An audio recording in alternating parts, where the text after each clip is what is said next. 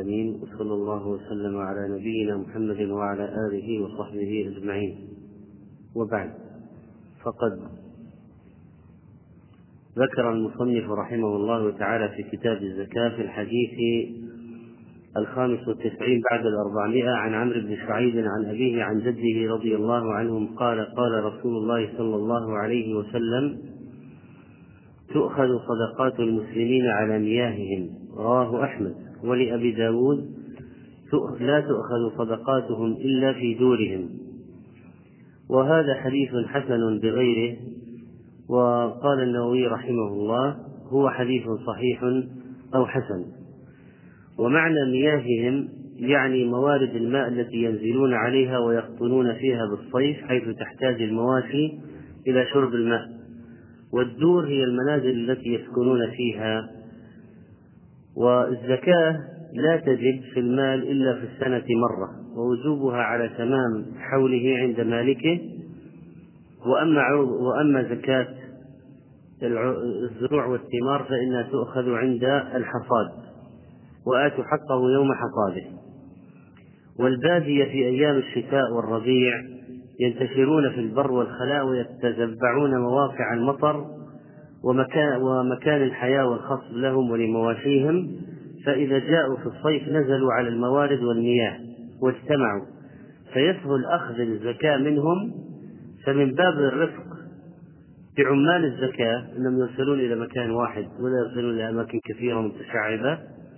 ومن باب أيضا الرفق بالذين يعطون الزكاة تؤخذ منهم على مياههم ومواردهم. فإذا ولي أمر المسلمين المفترض أنه يبعث السعاة والجباة لقبض الزكاة ولا يكلف صاحب المال أن يأتي بالصدقات والزكوات إلى بيت المال لأن بعض أرباب الأموال والماشية مثلا في أماكن بعيدة عن بيت المال. فلو قال لكل واحد أنت يجب عليك أن تأتي لتسلم زكاة مالك في بيت المال لا كلفه ذلك السفر والمشقة بل هو الذي يرسل إليهم السعاة لأخذ الزكاة فيأخذونها لتفريقها على أصحابها. واستدل بعض العلماء بهذا الحديث على جواز نقل الزكاة من بلد إلى آخر لأن النبي صلى الله عليه وسلم أمر السعاة بقبضها ثم يؤتى بها إلى المدينة توزع على الفقراء وكذلك في هذا الحديث فائدة في الرفق بالرعية وعدم تكليفهم تكليفهم ما يشق عليهم. لكن مسألة نقل الزكاة هذه من بلد إلى بلد ما هو الحكم فيها عند العلماء؟ ذهب الشافعية والحنابلة إلى منع نقلها إلى ما تقصر فيه الصلاة وهو عندهم مرحلتان يعني ما يعادل ثمانين كيلو مترا تقريبا ما هو دليلهم في عدم جواز نقل الزكاة أكثر من مسافة القصر قالوا إن حديث معاذ فيه أن النبي عليه الصلاة والسلام بعثه قال له فاعلمهم أن عليهم صدقة تؤخذ من أغنيائهم فترد في فقرائهم. يعني تؤخذ من أغنياء ذلك البلد الذي فيه المال وترد في فقراء ذلك البلد الذي فيه المال. وذهب المالكية إلى المنع إلى مسافة القصر فأكثر إلا لمن هو أحوج إليها في غير بلد المال. قالوا عند وجود أحوج يجوز النقل. وتتفق المذاهب الثلاثة على جوازه فيما دون مسافة القصر. إذا أقل مسافة القصر يجوز. الحنفية قالوا إن النقل مكروه. فقط ما لم يكن هناك مصلحة في الأقارب. وهذا القول واختيار شيخ الإسلام ابن تيمية رحمه الله فإنه يجيز نقل الزكاة لمصلحة شرعية. يجيز النقل لمصلحة شرعية. وما هو دليل المجيزين أن الفقراء في حديث معاذ ليسوا خاصين بأهل تلك البلاد إنما هو الفقراء عموما يعني تؤخذ من أغنيائهم يعني أغنياء المسلمين فترد في فقرائهم يعني فقراء المسلمين. وأن النبي عليه الصلاة والسلام بعث السعاة والجباب يأتون يأتون بالزكاة من أماكن بعيدة ثم تفرق في فقراء المدينة وغيرها. فهذه نقلت هذه نقلت ووزعت على فقراء آخرين. ثم إننا نلاحظ أن جمهور العلماء الذين قالوا بعدم جواز نقل الزكاة يقولون إنها لو نقلت أجزأت لكن يأتم يأثم من نقلها بدون يأثم من نقلها فوق مسافة القصر. والذي ذهب إليه عدد من علماء المعاصرين رحمهم الله الشيخ عبد العزيز بن باز وغيره جواز نقل الزكاة خصوصا إذا كان هناك حاجة في مكان الآخر مثل أقارب يعني سبب شرعي مثل أقارب وإعطاء الأقارب الفقراء أولى من الأجانب والأباعد إذا استوى الفقر إذا استوى الفقر. سبب آخر أن توجد شدة في بلد آخر أكثر من البلد التي جبيت منها الزكاة. فيجوز نقلها للشدة والحاجة الأكبر. إذا يعني نقل الزكاة يمكن أن نقول خلاصة. الأصل أن زكاة كل بلد تخرج في نفس البلد. لكن إذا وجد وجد سبب شرعي للنقل نقل الزكاة كوجود أقارب الإنسان فقراء في بلد آخر أو وجود شدة وفاقة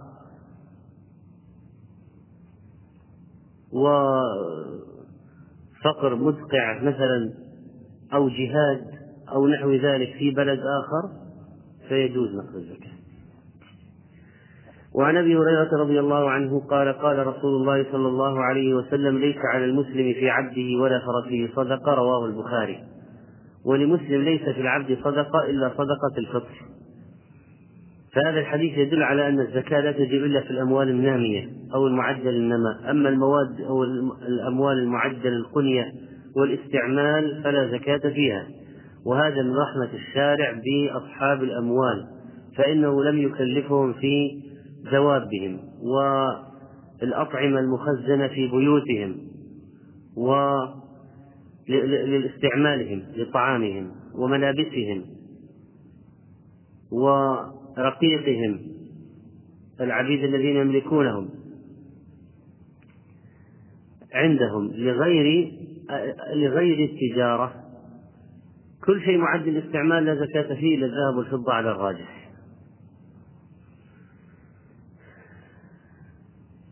والشارع عني ببيان ما تجب فيه الزكاة. وما لا تجب لا يحتاج إلى بيان أصلا. وقد أجمع العلماء على أنه ليس في دور السكنى ولا الثياب التي تلبس وأثاث المنزل ودواب الخدمة وعبيد الخدمة وسلاح الاستعمال زكاة. لأجل هذا الحديث. وبناء عليه فإن ما يوجد عند الناس اليوم من أكثر من سيارة في البيت كلها للاستعمال لا زكاة فيها. الأثاث أثاث البيت كذلك. ما هو معد للاستعمال ما هو معد للاستعمال من الأدوات المنزلية التي يملكونها؟ أدوات كهربائية. أشياء كثيرة يملكها الإنسان في بيته. لو قومت بعض البيوت لوجدت فيها يمكن بالملايين. ما دام أنها غير معدة للزكاة غير معدة للبيع فلا زكاة فيها ما معدل الاستعمال الشخصي ما عدا الذهب والفضة لأجل النص الوارد فيها. وعن بهز بن حكيم عن أبيه عن جده رضي الله عنه قال قال رسول الله صلى الله عليه وسلم في كل سائمة إبل في أربعين بنت, بنت لبون لا تفرق إبل عن حسابها من أعطاها مؤتجرا بها فله أجرها ومن منعها فإنا آخذها وشطر ماله عزمة من عزمات ربنا لا يحل لآل محمد منها شيء. رواه أحمد وأبو داود والنسائي وصححه الحاكم وعلق الشافعي القول به على ثبوته. وهذا الحديث حسن. وهذا الحديث حسن. سئل عنه الإمام أحمد رحمه الله فقال ما أدري ما وجهه. فسئل عن إسناده فقال صالح الإسناد. وادعى البيهقي رحمه الله أن الحديث منسوخ وتعقبه النووي لأنه غير منسوخ. لأجل قضية هذه فإن أخذوها وشطر ماله. أن الذي امتنع يعاقب بأخذ الزكاة زائد نصف ماله. ما معنى قوله لا تفرق إبل من حسابها؟ يعني أن الخليطين لا يفرقان خشية الصدقة إذا كانت الخلطة أحظ للفقراء. وقد سبق بيان أنه لا يجوز المخادعة والتحيل لإسقاط الزكاة أو التقليل منها بتفريق مجتمعين أو تجميع متفرقين. وضربنا أمثلة لهذا.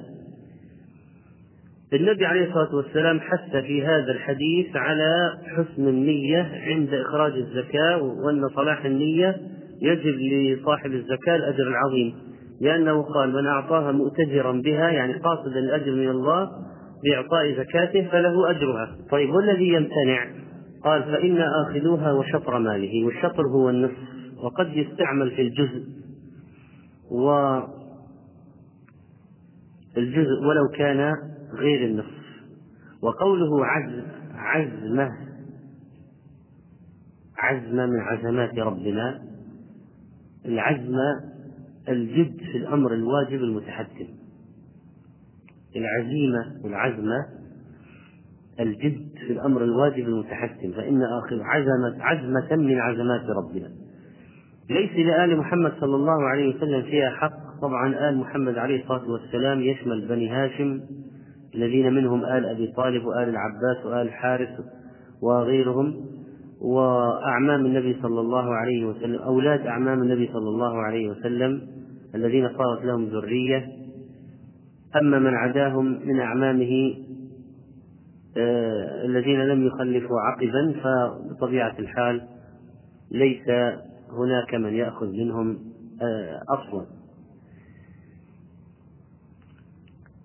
والنبي عليه الصلاة والسلام كان له أعمام الذين لهم أولاد أبو طالب والعباس والحارث وأبو لهب. هؤلاء أعمامه الذين صارت لهم ذرية. أولادهم هؤلاء كلهم من آل البيت من آل محمد صلى الله عليه وسلم.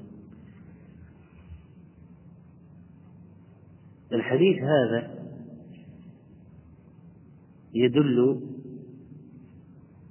على أن من أدى الزكاة طيبة بها نفسه ونيته الثواب والأجر فله أجر الأجر العظيم عند الله سبحانه وتعالى. ومن منعها فعليه الإثم والوزر العظيم. ثم يقوم الإمام بتعزيره وأخذ الزكاة منه قسرا بالقوة ثم يؤخذ منه نصف ماله نكالا له وردعا لأمثاله.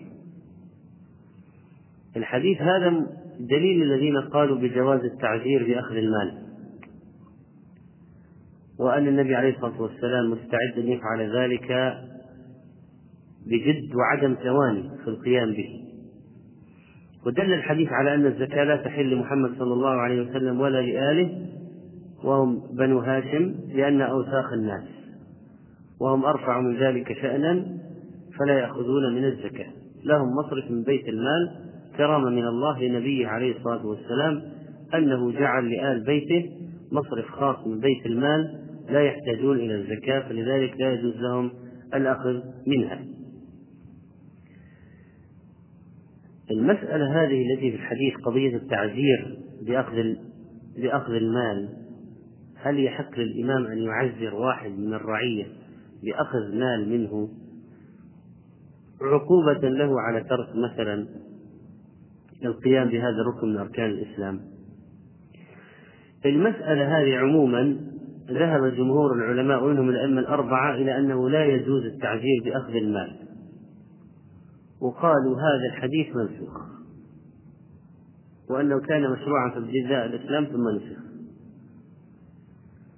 وقالوا إن قضية فتح المجال للولاة بالتعزير بتعزير الرعية لأخذ المال سيكون في فتح باب عظيم للظلم. ولأخذ أموال الناس بغير حق لأنه خلاص متى ما صار عنده قاعدة جواز التعزير لأخذ المال انفتحت شهيته لذلك فيأخذ بالحق وبالباطل. وذهب شيخ الإسلام ابن تيمية رحمه الله ابن القيم إلى جواز التعزير بأخذ المال إذا رأى الولاة أن ذلك يحقق المصلحة الشرعية ويردع الظلمة ويكف الشر لأن باب التعزير واسع باب التعزير ممكن يبدأ من التوبيخ بالكلمة إلى القتل. إذا لم ينكف الشر إلا بالقتل. وأن أخذ المال من الروادع التي تردع وقد نفى شيخ الإسلام تيمية رحمه الله تلميذه نفيا باتا أن يكون الحديث منسوخا وقال إن مدعي النسخ إن مدعو النسخ ليس معهم بينة ولا حجة شرعية من كتاب ولا من سنة. واستدلوا على جواز ذلك مما استدل به من قال بجواز أخذ المال تعزيرا أن النبي عليه الصلاة والسلام أباح سلب الذي يصطاد في حرم المدينة لمن يجده. ثانيا أنه أمر بكسر زنان الخمر وشق ظروفها وأمر عبد الله بن عمرو بحرق الثوبين المعصرين وهدم مسجد الضرار. وحرمان القاتل من الميراث والوصية هذا فيه منع للمال. الذي سيصل إليه. فإذا القول بالتعذير بأخذ المال أدلته قوية لكن ينبغي الاحتراز عن فتح الباب للظلمة. هذه المشكلة الاحتراز عن فتح الباب للظلمة. ولذلك إذا عرف أن هناك ظالم لو أفتي بهذا أخذ المال من الناس ظلما. لا يفتى بهذا. لكن لو كان هناك إمام عدل هذا وضعها فعلا في في محلها الصحيح. واحتاج الأمر إلى تعذير بعض الناس الذين لا يرتدعون إلا إذا مست جيوبهم فعند ذلك يعذرون بمثل هذا. وقال شيخ الإسلام رحمه الله أن العقوبات المالية في الإسلام ثلاث أقسام. أولا الإتلاف إتلاف محل المنكر مثل كسر الأصنام وتحريقها وتحطيم آلات اللهو وتمزيق أوعية الخمور وتكسيرها وتحريق الحوانيت التي يباع فيها الخمر وإتلاف كتب الزندقة والإلحاد. يدخل فيها كذلك طبعا إتلاف الأفلام الخليعة والصور المجسمة وغير ذلك. وكثير من البضائع التي يجلبها بعض التجار اليوم مخالفة للكتاب والسنة. يجلبون بضائع كثيرة. حتى أنك يمكن تجد أدوات رياضية على أشكال آه، أجساد شبه عارية أو سيقان عارية أو آه، صلبان أو صور خليعة أو آه، أشياء للتزين للشباب الهبيين وما يسمون بالخنافس وأشياء مما تنشر الفواحش أدوات وتصنيعات ومركبات وسلع وبضائع مما يعين على الفاحشة. هذا موجود كثير في السوق إذا بحثت وجدت أشياء عجيبة. فهذه إذا مر أهل الحسبة عليهم فجمعوها منهم أخذوها وجمعوها وحرقوها. إذا هذا إتلاف إتلاف للمنكر. ثانيا التغيير. التغيير. من العقوبات العقوبات المالية تكون بغير الإتلاف تكون بالتغيير أيضا مثل تكسير العملة المزيفة لأن العملة من زمان قد تغش الدنانير الدراهم هذه تخلق فيها أشياء.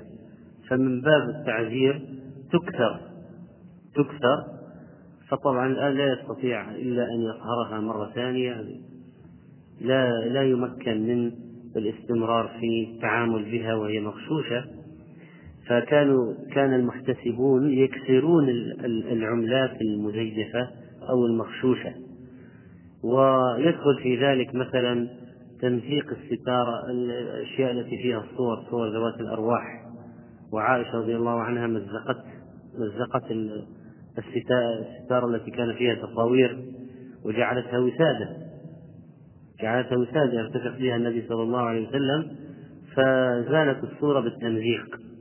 زالت الصورة بالتمزيق وما حدث بعد من الخياطة وغير ذلك آه، جعل الصورة تذهب معالمها. الأمر الثالث التمليك. تصادر هذه الأشياء يتصدق بها أو بأثمانها أطياب مغشوشة مثلا. قد تعطى للفقراء. فحرمناه من المال أخذنا ماله مثلا هذا الغشاش وتصدقنا به. إذا قد يكون تكون العقوبات المالية إتلافا وتغييرا وتمليكا لغير صاحبها. قال وعن علي رضي الله عنه قال قال رسول الله صلى الله عليه وسلم إذا كانت لك مئتا درهم وحال عليها الحول ففيها خمسة دراهم وليس عليك شيء حتى يكون لك عشرون دينارا وحال عليها الحول ففيها نصف دينار فما زاد فبحساب ذلك وليس في مال وليس في مال زكاة حتى يحول عليه الحول رواه أبو داود وهو حسن وقد اختلف في رفعه. إذا الحديث حسن وصحح الدار قطني وقفه لكن حجر رحمه الله قال حديث علي على لا بأس بإسناده والآثار تعبده فيصلح للحجة وحسنه في الفتح. وقال النووي صحيح أو حسن. هذا الحديث فيه بيان زكاة الفضة والذهب والنصاب كل منهما وقد تقدم أن الدرهم الإسلامي وزنه تقريبا ثلاث غرامات 2.975 والدينار هو المثقال ووزنه أربع غرامات وربع. الدينار هو المثقال. احفظ هذه فائدة. الدينار هو المثقال. طيب. لا يؤخذ مثقال من الذهب يسك على شكل دينار. يشتري به الناس ويبيعون مثقال من الذهب يؤخذ يسك يجعل مسكوكا عملة على شكل دينار ذهبي. قيمته فيه. وهذا من من أسباب عدم وجود التضخم في اقتصاديات المسلمين الأوائل لأن العملة قيمتها فيها. ما تنزل العملة تنهار وتنزل وتفقد قيمتها ونصف قيمتها تعويم العملة خلاص. ما العملة هذه ذهب. إيش تفعل؟ خلاص ذهب. فضة. قيمتها فيها. ولكن ما في انهيار عملات وتضخم والعملة يشترى بها الآن شيء. نفس المبلغ الأوراق النقدية بعد عشر سنوات. لا يكاد يشترى به ولا معشار في الأول فما كان فيه مشكلات من هذا النوع وهذا طبعا من من أسباب من أسباب قوة الاقتصاد الإسلامي أن نوعية العملة المعتمدة فيه في التداول قيمتها فيها. طبعا هناك أسباب دعت لقضية استبدالها بأوراق نقدية والأوراق النقدية الآن تستبدل بالبطاقات الإلكترونية. لكن طبعا هذا قد يكون له فوائد في سهولة الحمل والتداول. نعم سهولة الحمل والتداول لكن له أيضا مصائب في الجانب الآخر. والآن الناس يتجهون إلى أن لا يكون في أيديهم نقد ما في إلا بطاقات. والنقود أكثرها عند اليهود. لأن الناس ما عندهم إلا هذه البطاقات والزائد من أرصدتهم التي لا يحتاجون إليها في التعامل ليست معهم ولا في جيوبهم ولا في بيوتهم عند أصحاب المصارف الكبار. خلاص الناس الآن ليس بأيديهم سيتجهون إلى حال ليس بأيديهم نقد. ما في بأيديهم ما في بطاقات والأموال تحرك من بنك إلى بنك بس لا يرى الواحد نقوده ولا ليست معه ولا هو مهيمن مسيطر عليها ولا هي في حوزته كلها لا ما في إلا بطاقات وهذا ممكن ينشأ له أضرار مضاعفات خطيرة مستقبلا في العالم وتكون هناك كوارث مدوية. على أية حال الشاهد أن, نذكر الآن آه، أنصبة الذهب والفضة. نصاب الفضة سواء كانت مسكوكة أو تبرا أو حليا هو مئتا درهم بإجماع المسلمين. وحصل إنما حصل خلاف في قضية قدر الدرهم. كم قدر الدرهم؟ ومئتا درهم تعادل 595 غرام كما مر معنا سابقا.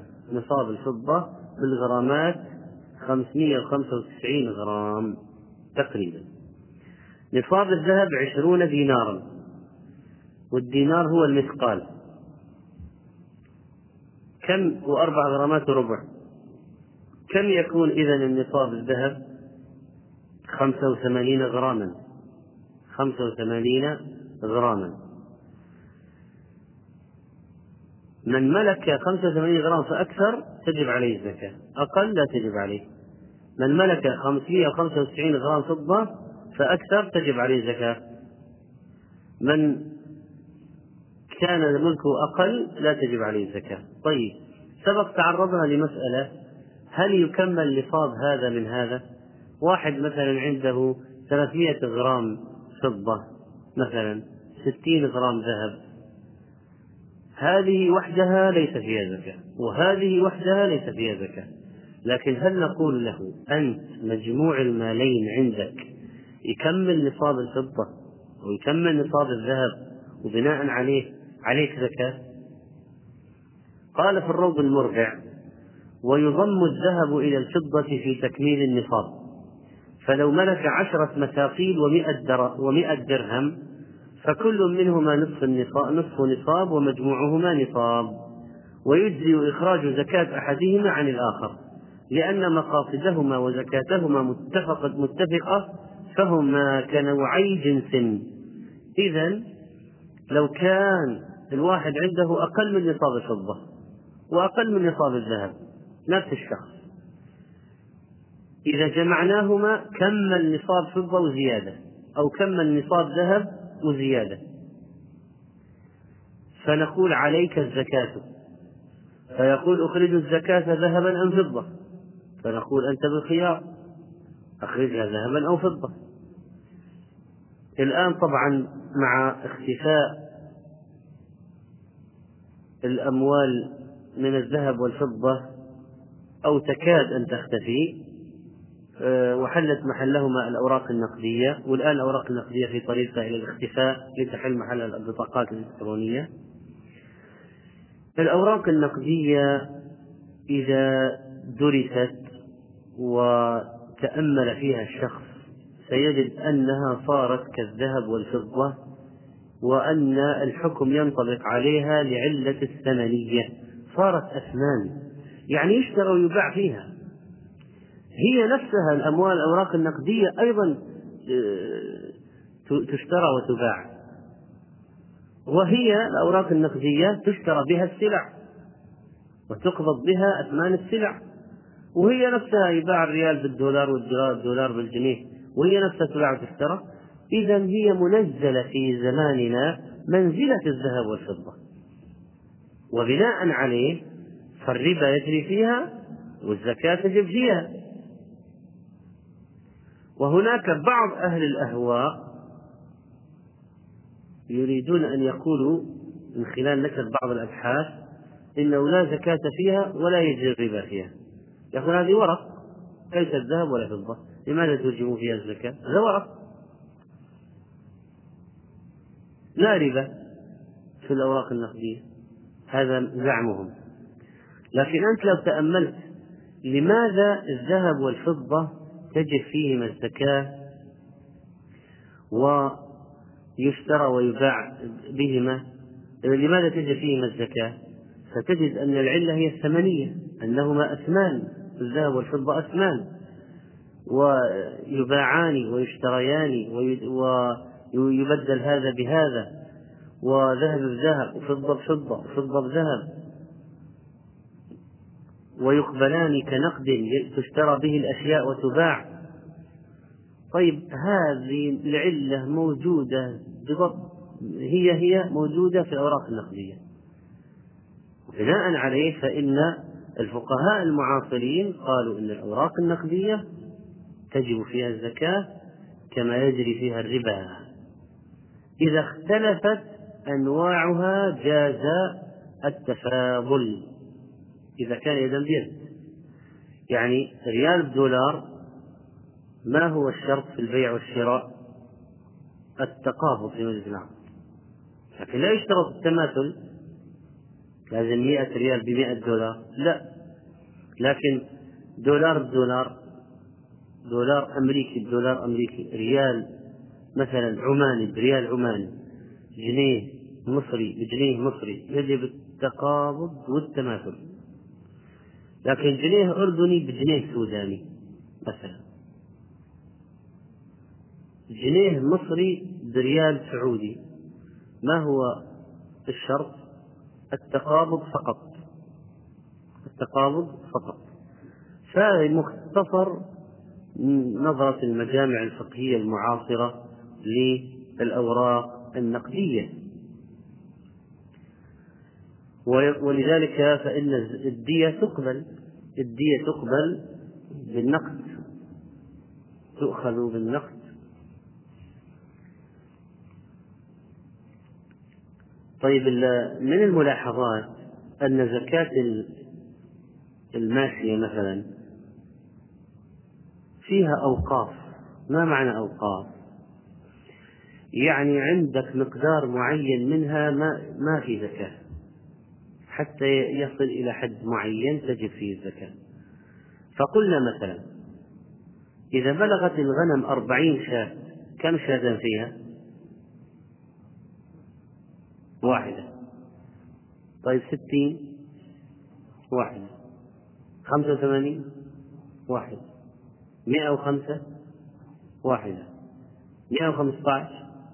واحدة. مئة وعشرين؟ مئة وعشرين. واحدة. مئة وواحد وعشرين سنتين. طيب. المسافة هذه من أربعين إلى المئة وعشرين هذه. المسافة هذه. ما هل فيها زكاة؟ لا. لأن الزكاة على الأربعين الأولى. واللي بعد الأربعين الأولى المئة وعشرين ما فيها زكاة. طيب؟ هذا وقف. الأوراق النقد الذهب والفضة ليس فيها أوقاف. الذهب والفضة ليس فيها أوقاف. بمعنى أن ما عندك مبلغ معين ليس فيه زكاة بعد النصاب بل كل مبلغ بحسبه. يعني الآن لو قلنا مثلا الذهب 85 غرام لو كان الذهب النصاب يبدأ ب 85 غرام لو كان 90 الزكاة في التسعين لو كان 100 الزكاة في المئة وهكذا. فكل واحد في كل مبلغ بحسبه كل ما زاد المبلغ كل ما زادت الزكاة. لكن الغنم إذا زادت من أربعين إلى ستين ما تزيد الزكاة. من ستين من زادت إلى مئة ما تزيد الزكاة. هي هي في الوقف فهذا إذا الفرق في أوقاف البهائم مع آه، زكاة النقدين مثلا.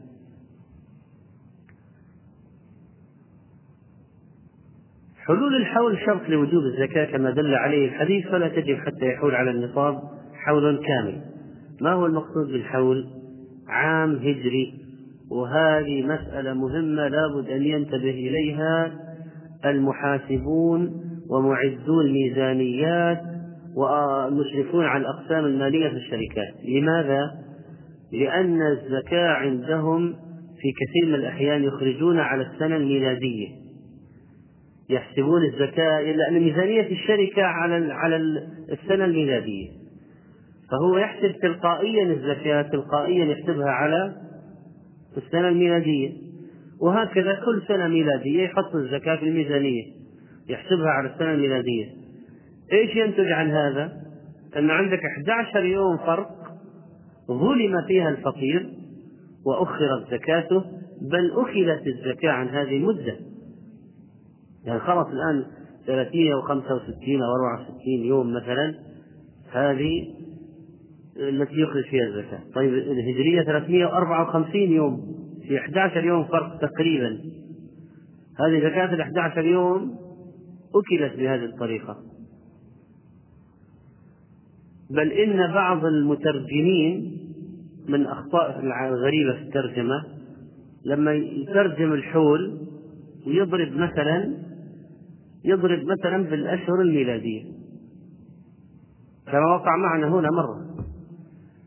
كنا من واحد محرم إلى واحد محرم من واحد محرم مثلا 1420 إلى واحد محرم 1421 إذا دار الحول تجب الزكاة. قام المترجم قال مثلا من واحد يناير 1991 مثلا أو 2000 إلى واحد يناير 2001 تجب الزكاة.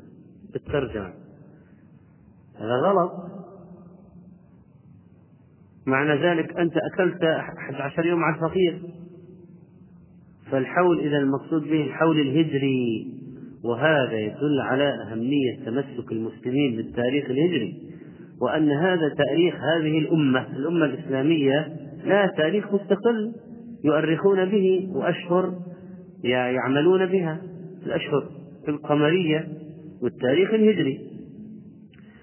فلما مسخت شخصيات كثير من المسلمين صاروا تبعا للكفار إذا بهم يستعملون شهورهم ويؤرخون بتاريخهم.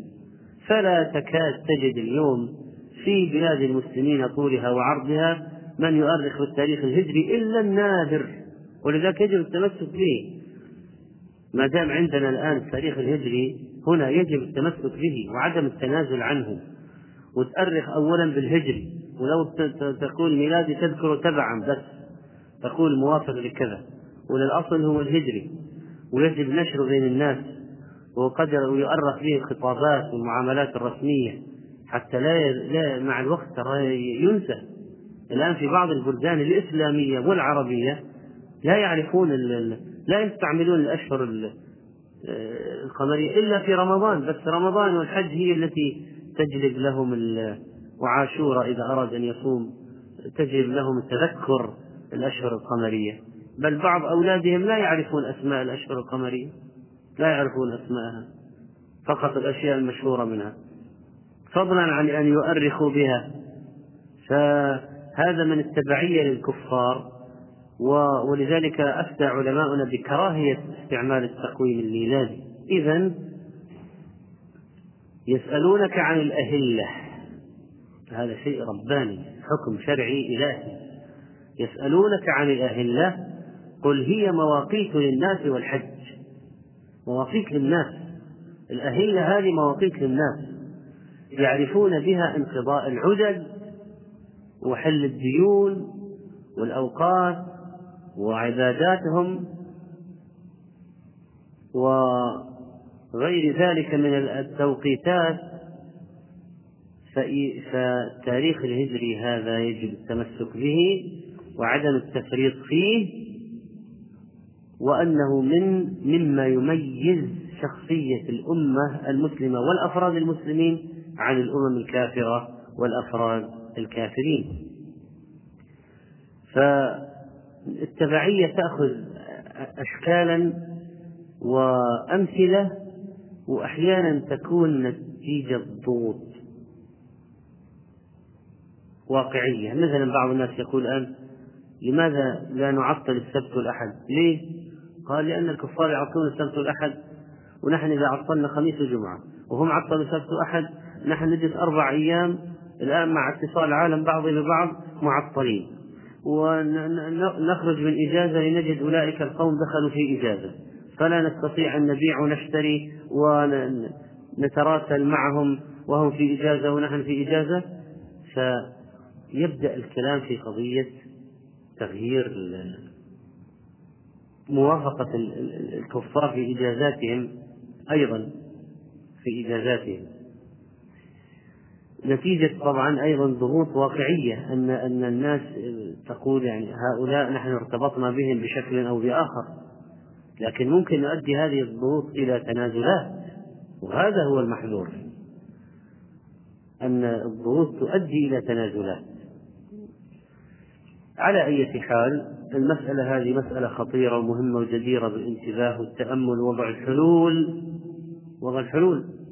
لها المال المستفاد لا تجب فيه الزكاة حتى يحول عليه الحول. المستفاد مثلا أرباح. لكن لو واحد واحد مثلا ورث مالا هذا ما تولد من غيره. وهب له مال. إذا أموال قسمان. ممكن تكسب مال مولد متولد من مال آخر وممكن تكسب مال غير متولد من مال آخر. فالهبة والإرث والصدقة هذه يكسبها الشخص غير متولدة من أموال أخرى. لكن أرباح التجارة أرباح التجارة متولدة من أموال أخرى. ولذلك لا بد من معرفة ما هو تأثير حولان الحول على هذه الأموال المستفادة.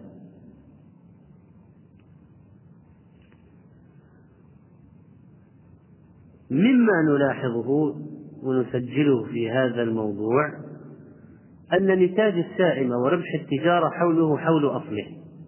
ولو لم يبلغ النتاج أو الربح نصابا.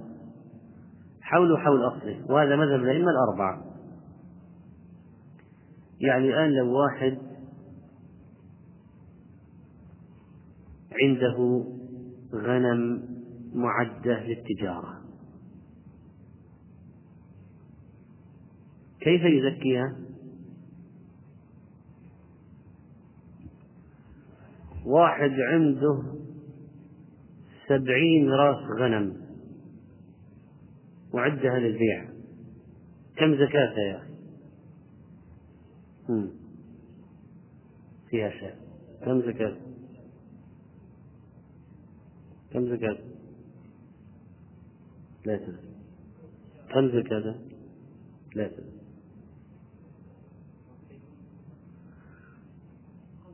تقوم. تقوم. عروض تجارة. نأتي إلى حولان الحول. حال الحول عليها كم سبعين رأس غنم؟ كم قيمتها في السوق؟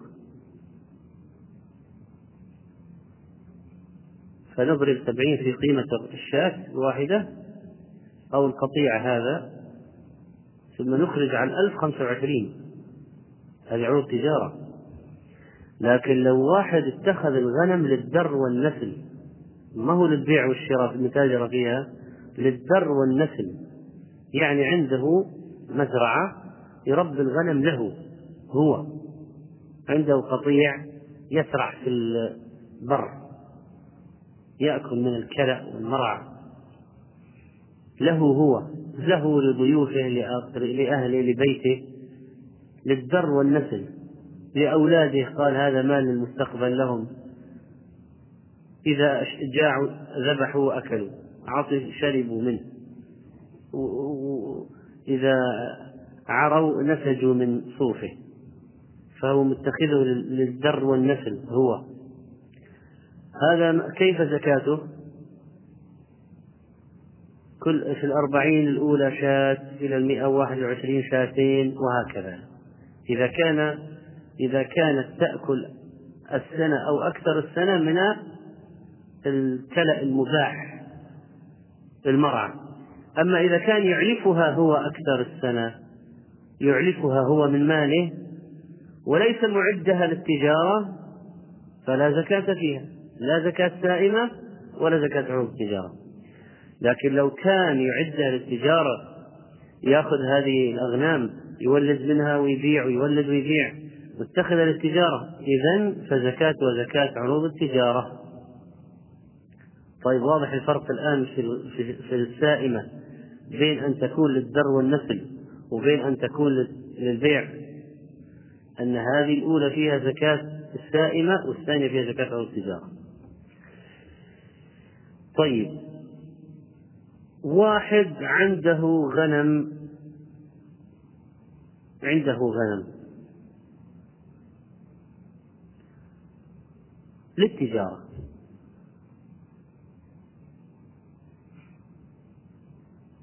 العام الماضي كانت سبعين راس طلع الزكاة. لما جاء العام هذا صار صارت مئة.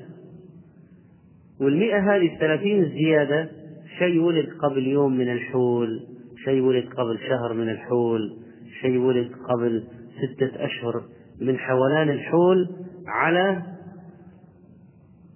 السبعين الأولى. فالآن هل كل زيادة يعني كل ولادة شيء ولد حديث ولد من السبعين نعتبر له حول منفصل ولا نقول أن الزيادات حولها حول أصلها؟ نقول الزيادات حولها حول أصلها. فالسبعين هذه فالسبعين هذه بعد سنة لما صارت مئة نزكي على المئة كلها. وليس على السبعين فقط نقول الزيادة ما حال عليها الحول بعد. كذلك واحد عنده مئة ألف في التجارة تشتغل مئة ألف. زكينا هذه السنة مئة ألف. السنة القادمة المئة صارت مئة وثلاثين ألف. نمت. المال نمى. صار مئة وثلاثين ألف. الثلاثين ألف هذه كسبت تدريجيا. شيء كسب قبل عشر أشهر وشيء جاء قبل ست أشهر وشيء جاء قبل شهر وشيء جاء قبل يوم من حولان الحول الجديد. فماذا نقول؟ الربح حوله حول أصله. فنخرج الزكاة بعد سنة على كل الموجود عن 130 ألف كلها. ولا نقول هذه الزيادة صارت قبل يوم وهذه الزيادة صارت قبل أسبوع وهذه قبل شهر والزيادة ما حال عليها الحول. نقول هذه أموال متولدة من تلك والأموال المتولدة هذه من الأخرى الأرباح ليس لها حول مستقل وإنما حولها حول أصلها حولها حول أصلها. فأقسام الأموال من حيث حولان الحول ثلاثة. الأول أن يكون المستفاد نتاج السائمة أو ربح التجارة فهذا حوله حول أصله ولو لم يبلغ الربح والنتاج نصابا ولو لم يحل الحول على الربح والنتاج. اثنين أن يكون المستفاد من جنس المال الذي عنده لكن ليس نتاجا له ولا ربحا له. طيب مثال. واحد عنده عروض تجارة مئة ألف ريال بعد سنة صارت مئة وثلاثين ألف. لكن خلال السنة هذه مات قريب له فورث منه خمسين ألفا. وجاءته هدية من عم له عشر آلاف صاروا ستين ألف. الآن الستين ألف هذه اللي جاءت أثناء السنة هل تزكى وجوبا في وقت حولان الحول على تجارته الجواب لا. يقول واحد طيب هي من جنس هذه أوراق نقدية هذه أوراق نقدية. أو كان عنده ذهب والآن ورث ذهبا وأعطي هدية ذهبا. فنقول ولو. لماذا؟ لأن هذا المكتسب الجديد ليس نتيجة عروض التجارة والأرباح السابقة.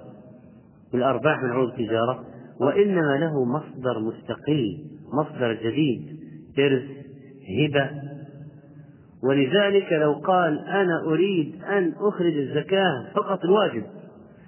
نقول الواجب بعد سنة عروض التجارة المية صارت 130 بعد سنة تخرج على 130 الخمسين التي جاءتك منذ ستة أشهر ليس عليك زكاة إلا زكاتها إلا بعد ستة أشهر في الوجوب. والعشر آلاف التي أهداها لك عمك منذ شهر ما عليك زكاتها إلا بعد 11 شهر. وهكذا. طبعا بعض الناس يقول أنا غير مستعد لوجع الرأس في قضية الحسابات فأنا متخذ لي وقت معين في السنة. مثلا في رمضان أطلع زكاتي. رمضان التي بعدها أطلع الزكاة سواء على شيء جاء قريبا جاء بعيدا جاء متولد من مال سابق جاء من مصدر جديد وأرتاح. من قضية الرواتب. الآن أنت توظفت في محرم 1420 أخذت 30 محرم أول راتب. ثلاثين صفر ثاني راتب. ثلاثين ربيع ثالث راتب. ثلاثين محرم ألف وأربعمية وواحد وعشرين. الحقيقة الواجب فقط عليك الواجب عليك الزكاة. على ما تبقى من راتب 1420 30 محرم إذا بلغ نصابا. وفي 30 صفر يجب عليك زكاة ما تبقى من راتب صفر إذا بلغ نصابا. وهكذا. فواحد يقول أنا هذه شغلة صعبة. أنا كيف آخذ هذا راتب وأحطه في ظرف وأنفق منه وهذا أنفق وهذا؟ وهذا حاله ما حال. فأنا ثلاثين محرم ألف وأربعمائة واحد وعشرين. أنظر ماذا عندي من الرواتب المجتمعة ومن المدخرات من ما تبقى من الرواتب خمسة وعشرين. نقول جيد سلكت سبيل السماحة والراحة. السماحة والراحة. ولا تفكر في الزكاة إلا إلى ثلاثين محرم ألف وأربعمائة اثنين وعشرين. وهكذا. فإذا كون بعض الناس يخلطون الأموال ويأتي على ال ال الأموال المكتسبة سواء رواتب عروض تجارة هدات إرث يجعلها معا. وإذا جاء وقت الزكاة المعتاد أخرج عن الجميع فهذا طيب. هذا أخرج زيادة في الغالب أخرج زيادة. وممكن بعبارة أخرى أيضا عجل الزكاة. عجل الزكاة. أخرج زيادة من جهة ومن جهة أخرى عجل الزكاة. وكلاهما جائز. طيب. الثالث أن يكون من غير جنس ما عنده فلا زكاة فيه حتى يحول عليه الحول ولا يضم إلى ما عنده في تكميل النصاب إلا الذهب والفضة. لكن الذي قبله الذي قبله إذا كان المستفاد من جنس المال لكن ليس نتاجا له ولا ربحا له فيضم إلى ما عنده. لكن إن كان الأول دون النصاب فكمله الأخير نصابا فحولهما واحد. وإن كان الأول نصابا كاملا قبل حصول الثاني فلكل منهما حوله الخاص. نعيد فقط الفقرة هذه لدقتها. إذا كان هو النقطة الثانية كانت النقطة الثانية المستفاد من جنس المال الذي عنده لكن ليس نتاجا ولا ربحا له. ضربنا مثل قلنا واحد عنده مثلا آه، إذ لما حال الحول 130 ألف. 100 من العام الماضي 30 ربح. 30 هذه ربحها آه، زكاتها وحولها حول أصلها. حتى لو ما نتجت إلا قبل يوم. طيب. أثناء السنة هذه مات له قريب فورث منه. المال الذي ورث من القريب من جنس المال الذي يتاجر به. المال يعني هذا المال والمال واحد الجنس واحد. افرض انه يتاجر بالذهب وجاءه ميراث من الذهب. واحد تاجر ذهب وماتت امه فورث منها ذهبا أيضا. فهذا ذهب وهذا ذهب. ماذا قلنا في مسألة زكاة الذهب الذي ورثه من أمه؟ أنه لا يستجب زكاته بزكاة زك... ذهب التجارة لأن مصدره ليس متولدا لأنه ليس متولدا من الأول. لكن الفرق معنا في حاجة ما هي؟ يضم إلى ما عنده لكن إن كان الأول دون نصاب فكمله الأخير نصابا فحولهما واحد. وإن كان الأول نصابا كاملا مال التجارة بلغ نصاب. قبل حصول الثاني فلكل منهما حوله الخاص. افرض قلنا إن زكاة المال بالريالات مثلا 500 ريال سعودي. طيب لي مثلا قيمة 56 ريال فضة؟ إن الريال أصلا كان فضة والفضة أحظ للفقراء وقدرنا الريالات الفضة القديمة اللي كانت تعدل نصابا للفضة. 56 ريال فضة مضروبة مسكوكة قديمة. قدرناها بالعملة الحالية 500 ريال مثلا ورقي واحد يبيع سوى أسمكة عنده بضاعة ب 300 ريال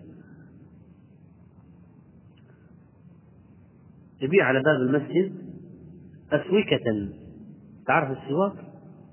ها؟ الذي تسوك به إيش الجمع؟ أسوكة وليس مساويك وقاك الله مساويك. فالآن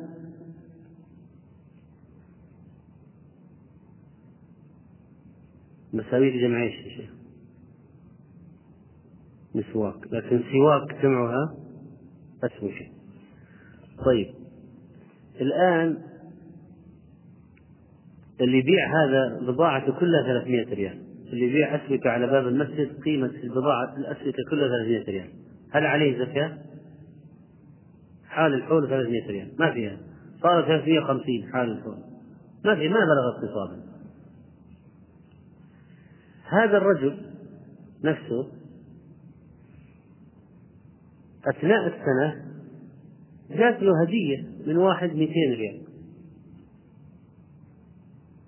فال 350 صارت 550 أي هنا المال الذي جاءه من جنس المال الأول أوراق نقدية وأوراق نقدية. كان الأول لا يساوي نصابا. لما جاءه الثاني وأضيف إليه بلغ نصابا. ماذا ينتج؟ إن كان الأول دون نصاب فكمله الأخير نصابا فحولهما واحد. كمل له نصاب حمل واحد. لكن إن كان الأول هو أصلا هذا اللي تاجر الأسمكة عنده بضاعة بألف ريال. وجات له هدية 200 أثناء الحول فالآن نقول لا يجب أن يخرج زكاة الميتين مع الألف إذا دار الحول على الألف لأن الأول كان يساوي نصابا فأكثر. حال عليه الحول. والثاني الذي جاء إضافي ليس متولدا من الأول و لا يكمل به النصاب لأن النصاب أصلا كامل. إذا حوله حول مستقل. لو قال أنا أريد أن أخرج بالدقة. نقول لا لا زكاة عليك في الميتين لو جاء عشر آلاف. نقول زكاة العشر آلاف منفصلة. وللترمذي عن ابن عمر رضي الله عنهما من استفاد مالا فلا زكاة عليه حتى يحول عليه الحول والراجح وقفه وهذا الحديث ضعيف إذا مرفوعا. فلكن طبعا العمل عليه. الزكاة لا تجب حتى يحول الحول. الزكاة لا تجب إلا بعد مضي عام كامل عليها والحول هو 12 شهرا هلاليا. حولان الحول أحد شروط وجوب الزكاة الأساسية الملك الحول النصاب.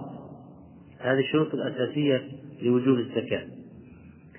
والمعتمد في اشتراط الحول لو واحد قال الآن وش الدليل؟ واحد قال طلع الآن. في ناس ترى الآن عندهم طلعات جديدة. الآن في مخربين في بين المسلمين. مثل يطلع ويقول الأوراق النقدية ما فيها شيء. في ناس الآن طلعوا وقالوا ما هو الدليل على حولان الحول؟ ما في. حديث ضعيف وخلاص واحد يزكي مرة واحدة في العمر. ليش؟ ليش؟ كل سنة. من أين أتيتم بهذا؟ الآن هذا يريد نفس ما أجمع عليه العلماء وما اتفقوا عليه.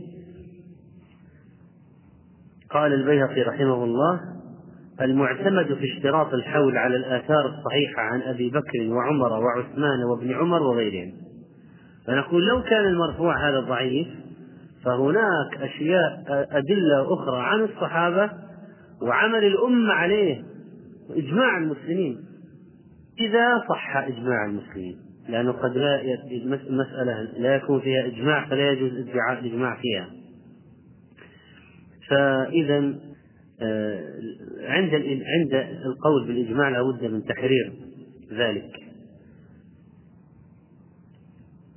وقال شيخ الإسلام ابن تيمية رحمه الله الحول شرط في وجوب الزكاة في العين والماشية. كما كان النبي صلى الله عليه وسلم يبعث عماله على الصدقة كل عام. يعني هذا من الأدلة. أن النبي عليه الصلاة والسلام كان يبعث عماله على الصدقة كل عام. وهذا دليل الحول. وعمل بذلك الخلفاء لما علموه من سنته. قال ابن عبد البر وعليه جماعة الفقهاء قديما وحديثا. عليه جماعة الفقهاء قديما وحديثا. ولأن النماء لا يتكامل قبل الحول. ولأن الزكاة تتكرر في الأموال فلا بد لها من ضابط لئلا يفضي إلى تعاقب الوجوب في الزمن المتقارب. يعني ممكن يجي واحد يقول كل شهر طيب كل أسبوع نأخذ زكاة. فلا بد من ضبط القضية بزمن معين كلما تكرر أخذنا الزكاة. وأيضا حتى لا يجي واحد يقول في العمر مرة كل الأموال في العمر مرة.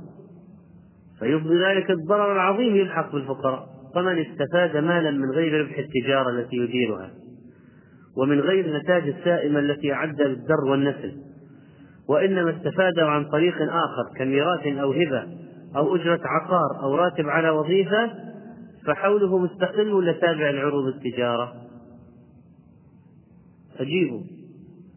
حول مستقل لأن أجرة العقار وراتب الوظيفة والميراث والهدية هذه مصادر غير التجارة التي يعمل بها وربح التجارة من من ربح التجارة منه.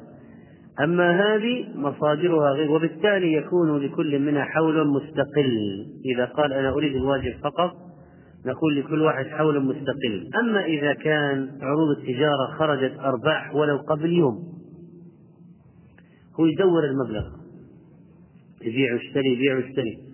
افرض عقد صفقة قبل يوم من تمام الحول وأخذ ربحا عظيما. إذا مر اليوم واكتمل الحول الهجري أخرج الزكاة عن الجميع. أخرج الزكاة عن الجميع. وعن علي رضي الله عنه قال ليس في البقر العوامل صدقة رواه أبو داود والدار قطني والراجح وقفه أيضا. حديث حسن موقوف. وآخر حديث معنا في هذا الدرس اليوم.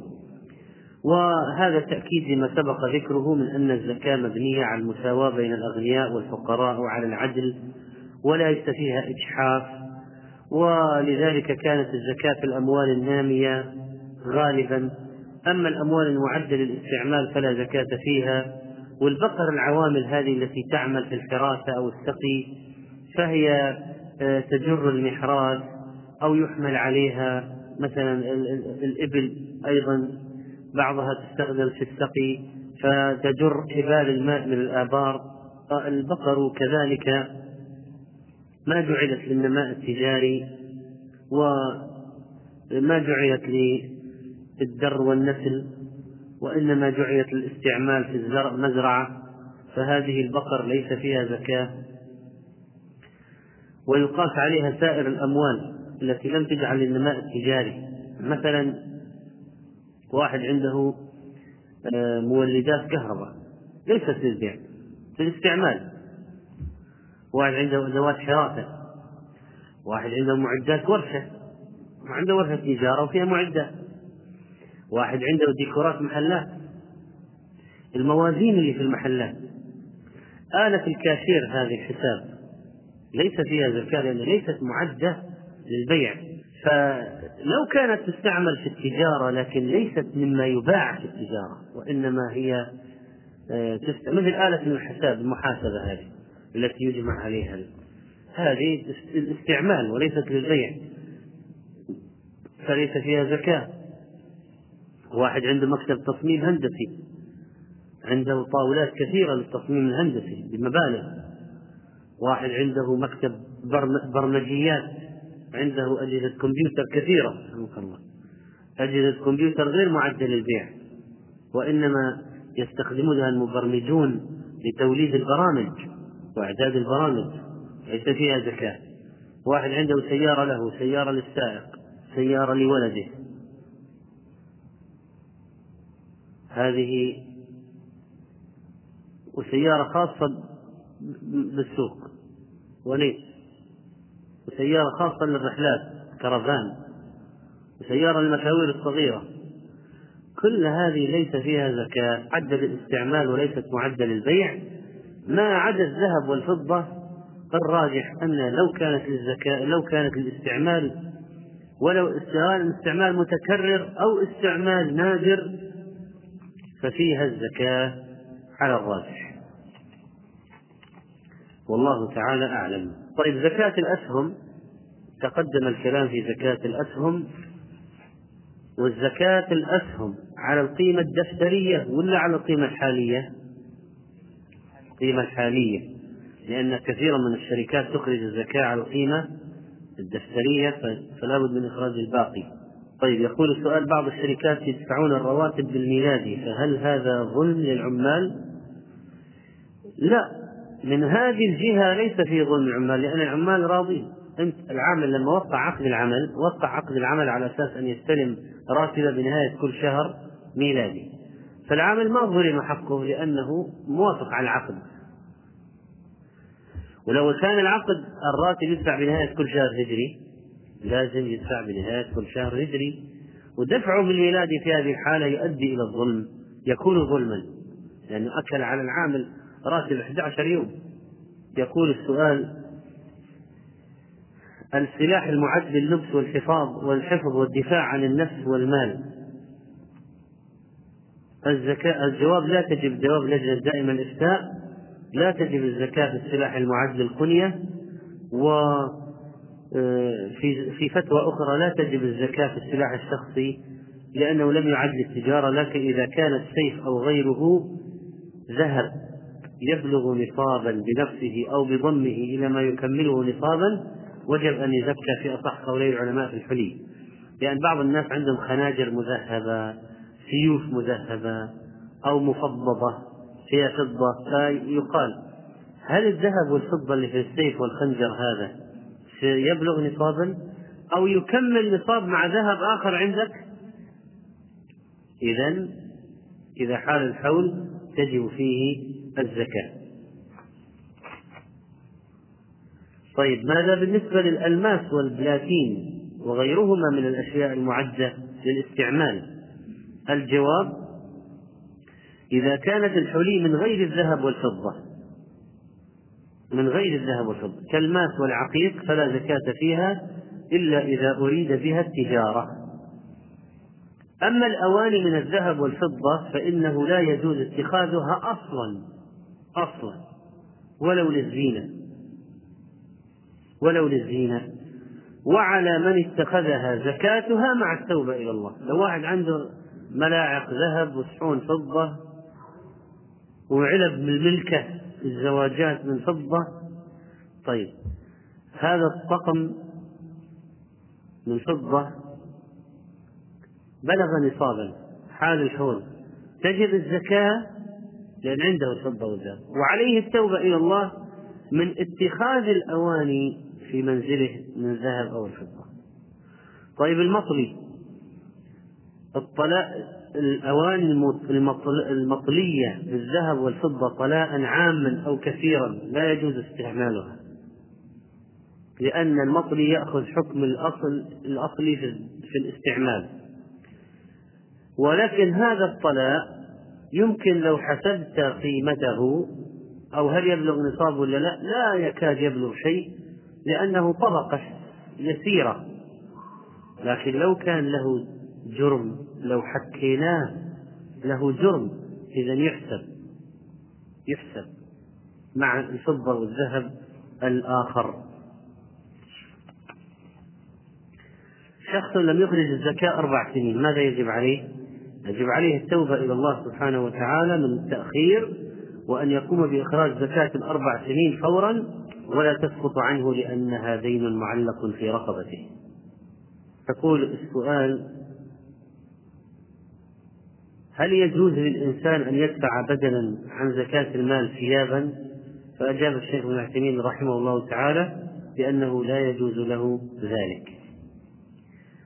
السؤال إذا كانت الخواتم والأساور فيها ألماس وذهب ذهب وألماس مرصع فكيف تقدر الزكاة؟ الجواب يقدر ذلك أهل الخبرة فيذهب بها إلى تجار الذهب أو الصاغة لينظروا هل يبلغ الذهب النصاب أو لا يبلغ. فإذا لم يبلغ النصاب فلا زكاة فيه إلا أن يكون عنده ذهب آخر يكمل هذا من هذا. وأما الماس نفسه الفصوص فلا زكاة فيها إلا إذا عدها للتجارة.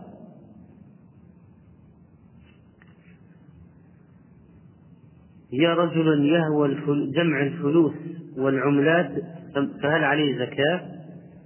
فأجاب الشيخ عبد العزيز رحمه الله تلزمه زكاتها إذا حال عليها الحول وبلغت النصاب. لأن بعض الناس عندهم ريالات قديمة دولارات أشياء قديمة عملات قديمة أثرية يعني. هذه عملات قديمة. فإذا بلغت النصاب تجب فيها الزكاة لأنها في حكم النقود كما قال الشيخ رحمه الله لعموم الأدلة من الكتاب والسنة لأنها في حكم النقود وتقوم مقامها كالعملة الورقية. المال الموضوع في البنك الإسلامي يقول الشيخ رحمه الله حكم حكم غيره من الأموال تجب فيه دفع الزكاة إذا حال عليه الحول مع ربحه. طيب إذا كان البنك الإسلامي يطلع الزكاة على الأموال هذه كفاك المؤونة. إذا كان يخرجها كاملة كفاك المؤونة. يخرجها ناقصة عليك زكاة الباقي خلف أموالا وأيتاما فهل على المال زكاة؟ الجواب نعم وسيأتي إن شاء الله تفصيل في مال اليتيم. يقول السؤال عندي مبلغ أعددته للزواج مر عليه الحول. الجواب إذا كان الحال كما ذكر فالواجب على المسلم إخراج الزكاة من المال الذي حال عليه الحول ولو كان أعده للزواج ونحوه. لعموم الأدلة الواردة في الكتاب والسنة والزكاة لا تنقصه بل تزيده بركة ونماء وطهرة. كما قال الله عز وجل خذ من أموالهم صدقة تطهرهم وتزكيهم بها. وقال النبي صلى الله عليه وسلم ما نقص مال من صدقة. وكذلك المال المعد لبناء مسكن فإنه إذا حال عليه الحول تجب فيه الزكاة. طيب أنت واحد يجمع مال لسداد الدين عليه دين يجمع مال لسداد الدين حال عليه الحول والمال عنده لكي يسلمه لصاحب الدين. هل عليه زكاة أم لا؟ نعم. عليه زكاة. لأن المال حال عليه الحول وهو عنده. ما سلمه لصاحب الدين. وهو عنده. إذا تجب فيه الزكاة. ما حكم الزكاة في الأموال المودعة في البنوك الربوية؟ فأجاب الشيخ عبد العزيز باز رحمه الله بأنه يحرم التعامل بالربا مع البنوك وجميع الفوائد الناتجة عن الربا كلها محرمة. وليست مالا لصاحبها بل يجب صرفها في وجوه الخير إذا كان قد قبضها وهو يعلم حكم الله في ذلك. أما إن كان لم يقبضها فليس له إلا رأس ماله لقول الله عز وجل وإن تبتم فلكم رؤوس أموالكم. أما إن كان قد قبضها قبل أن يعرف حكم الله في ذلك فهي له ولا يجب عليه إخراجها من ماله. لقوله تعالى فمن جاءه موعظة من ربه فانتهى فله ما سلف. يعني لو واحد جانا صادق ما هو متلاعب ولا كذاب. مثلا في بلاد كفار مسلم يعيش ما من الجهل يعني. قال أنا ما كنت أعرف أن فوائد البنوك حرام. أنا والله العظيم ما أدري أن فوائد البنوك حرام. وأخذت أخذتها. والآن أنا عرفت وتبت إلى الله. خلاص انتهيت. قال الله تعالى فمن جاءه موعظة من ربه فانتهى فله ما سلف. نقول اللي مضى لك بنص الآية. طيب الزكاة قال الشيخ عبد العزيز رحمه الله وعليه زكاة أمواله التي ليست من أرباح الربا كسائر أمواله التي يجب فيها الزكاة. ويدخل في ذلك ما دخل عليه من أرباح الربا قبل العلم. طيب اللي ما, ما, ما عنده علم قلنا له المال لك. قال عليه زكاة نقول عليه زكاة. فإنه من جملة ماله للآية المذكورة. لكن هذا الذي يعلم الحكم. يقول الآن عندي مية مية مليون. وسبعة مليون الربا وحال الحول والمية صارت مية وسبعة. ما رأيكم؟ نقول عليك زكاة المئة فقط. السبعة مال حرام حرام. يجب عليك أن تتخلص منه.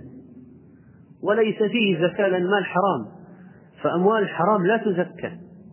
ليه؟ لأنها غير قابلة للتطهير أصلا. خذ من أموالهم صدقة تطهرهم. ما المال الحرام حرام غير قابل للتطهير. يعني لو عندك لحم خنزير غسلته مئة مرة هل يكون طاهرا؟ حلالا؟ هو لحم خنزير. ما في أمل ولا فائدة. ولذلك مال الربا لا يمكن إخراج الزكاة منه لأنه غير قابل للتطهير. يجب التخلص منه فورا. يقول السؤال هل يجوز التحري عن حال المعطى للزكاة من ناحية الدين والصلاة أم يكفي كونه مسلما فقيرا؟ يكفي كونه مسلما فقيرا. إذا ما علمت عليه ريبة ولا جاءك خبر من ثقة فتمشي على الأصل تعطيه الوصي على مال الأيتام يجب عليه إخراج الزكاة على أموالهم ولو نقصت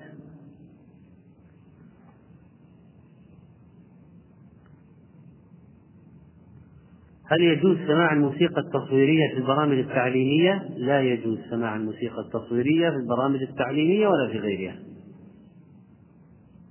وينبغي على الإنسان أن ينشئ أولاده على أشياء مباحة وطيبة ويوجد يعني في الأسواق أشياء عن الطبيعة مصورة وليس فيها موسيقى.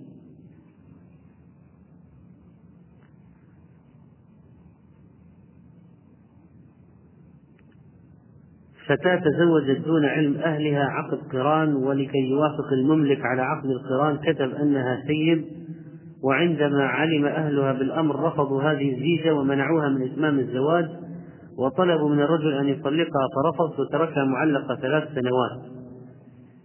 فهل هذه الزيجة صحيحة أم باطلة؟ وهل يجوز لها الزواج أم لا بد من طلاق؟ هذا زواج باطل. لأن النبي صلى الله عليه وسلم قال أيما امرأة نكحت بغير إذن وليها فنكاحها باطل فنكاحها باطل فنكاحها باطل. رواه ابن ماجه وهو حديث صحيح. وبناء عليه فوجوده كعدمه. النكاح الباطل وجوده كعدمه. ولا كأنه موجود ولا كأنه صار أصلا.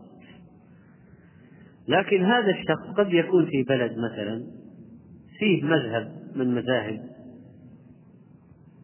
آه، يجيز للمرأة السيد النكاح بغير ولي.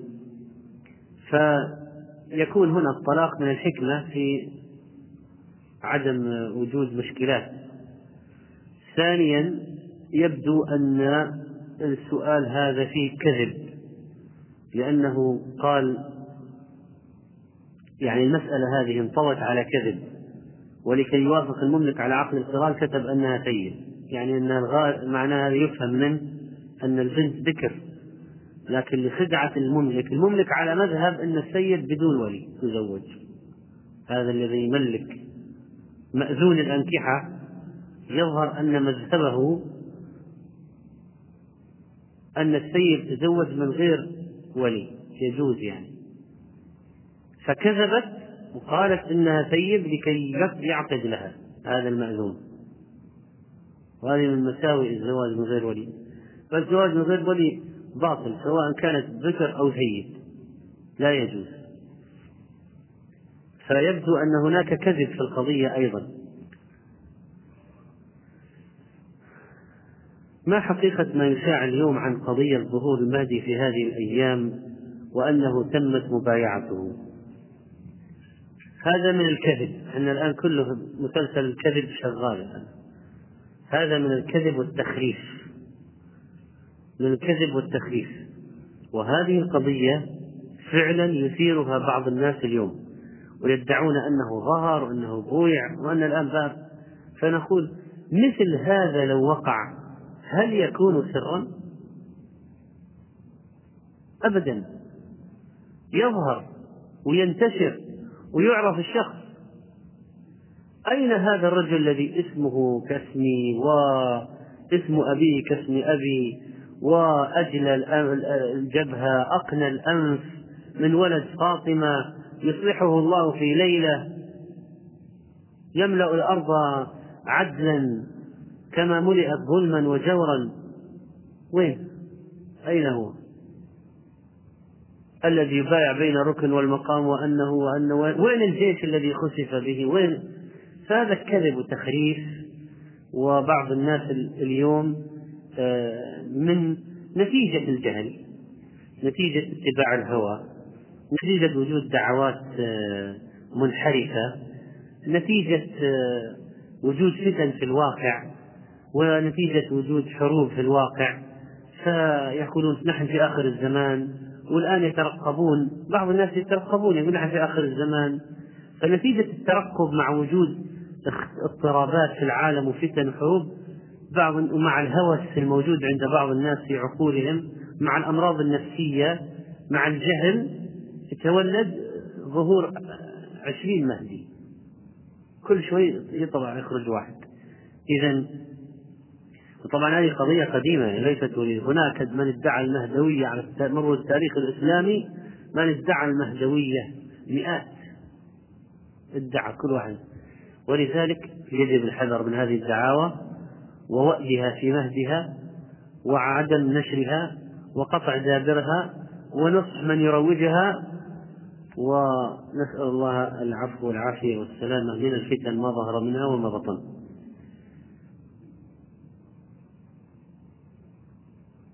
ما الحكم في الزيادة أثناء تبديل العملة من ورق لمعدن؟ هذه المسألة للعلماء المعاصرين أكثر من قول فيها وفتوى الشيخ عبد العزيز رحمه الله أنه لا يجوز لأن كلها ريالات إذا كانت من عملة واحدة ريال عشرة ريال ورق بعشرة معدن لأن كلها ريالات. والعبرة ترى القيمة ليست في الورق وليس في المعدن القيمة لأنه ريال لأنه مكتوب عليه كذا. فليس في الريال نفسه الورق ليس فيه قيمة. حتى تقول اختلفت الأجناس فنبيع بالتفاوت. كلها ريالات مثلا محلية. إذا سواء هي سواء. ما مقدار نصاب الذهب بالوزن؟ 85 غراما.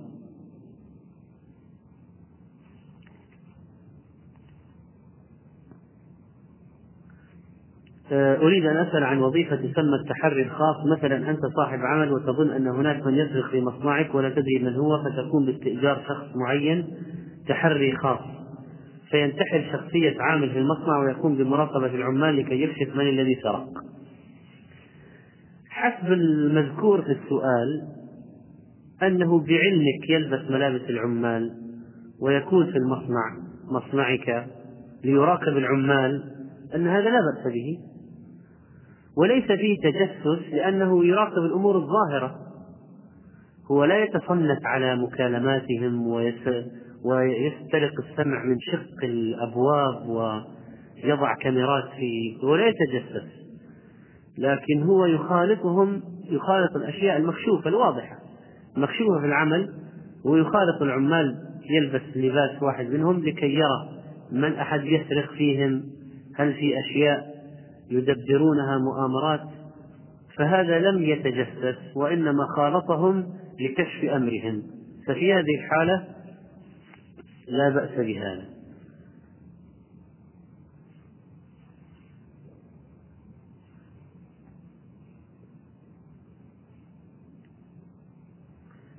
يقول استعمال أدوات في تثبيت التهمة. أي إذا استعمل للتجسس فلا يجوز. لكن إذا تأكد تأكد من وجود من من من الجريمة. بقي الإثبات. بقي الإثبات.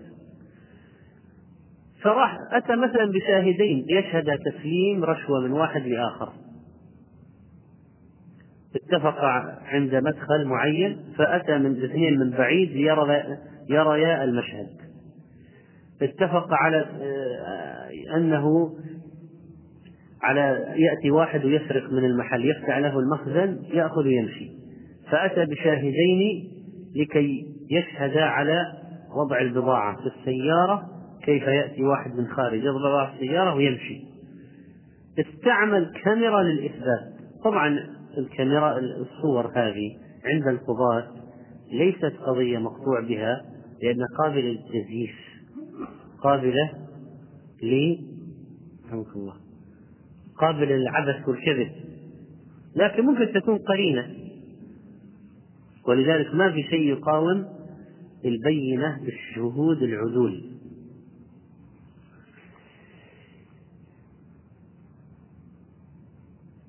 في كفارة اليمين كسوة عشر مساكين. أرجو توضيح الكسوة ماذا تعني. تعني أنك تعطي لكل واحد من المساكين العشرة ثوبا تجزئ الصلاة به. فالكسوة المجزئة في كفارة اليمين ثوب للرجل أو إزار رداء تجزئ الصلاة به وكذلك للمرأة المدرعة والخمار والقميص الذي تلبسه. يعني إذا كنت تريد أن تعطي للإناث أو للذكور ثيابا في كفارة اليمين فتعطي عشرة ثياب تجزئ الصلاة بها. لأنك لو أعطيته مثلا سراويل قصيرة قال هذا فيها. نقول لا هذا لا يكفي. لو أعطى عشرة فقط مثلا للمرأة عشر فساتين لكن ما أضاف إليها غطاء الرأس لا يكفي. إذا المقصود عشر ثياب تجزئ الصلاة بها. المرأة التي كانت تجهل زكاة الحلي لا لا حرج عليها إن شاء الله وتبدأ يبدأ الحول من حين العلم. نظرا لاختلاف العلماء في هذه المسألة وانتشار عدم العلم بها فإن علماءنا قد أفتوا بأن من لم تكن تعلم عن وجوب إخراج زكاة الحلي فيما مضى فلا زكاة عليها فيما مضى ويبدأ الحول من يوم ما علمت بالحكم.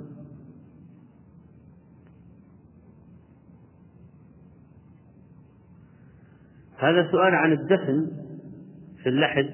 توصي أهلك نعم أن يدفنوك أن يدفنوك على حسب السنة. ثم إذا غلبوا على أمرهم فالله يعلم المفسد من المصلح. العقيقة إذا قمت بتوزيعها هل يكون معها لحم؟ هي أصلا لحم العقيقة. هي أصلا لحم. فتوزع العقيقة وتأكل من العقيقة وتهدي من العقيقة لا بأس بذلك ما دام نصيب الفقراء وصلهم فالحمد لله. هل يجوز للرجال لبس كبك الذهب واستعمال مسبحة الذهب والقلم المطلي بالذهب الجواز لا يجوز ذلك كله. لا يجوز ذلك كله. الذهب حرام على ذكور أمتي. بعض التجار يدفع زكاته بتوزيع ملابس أو أطعمة. إذا كانت هذه هي بضاعته فعلا واحد يتاجر بالرز فوزع رز في الزكاة يجوز. تاجر بالملابس وزع ملابس للفقراء. ولكن أن يكون عنده مال فيخرج ملابس زكاة المال يخرج ملابس تقدم الجواب. بأنه لا يجوز ذلك. والله أعلم صلى الله على نبينا محمد.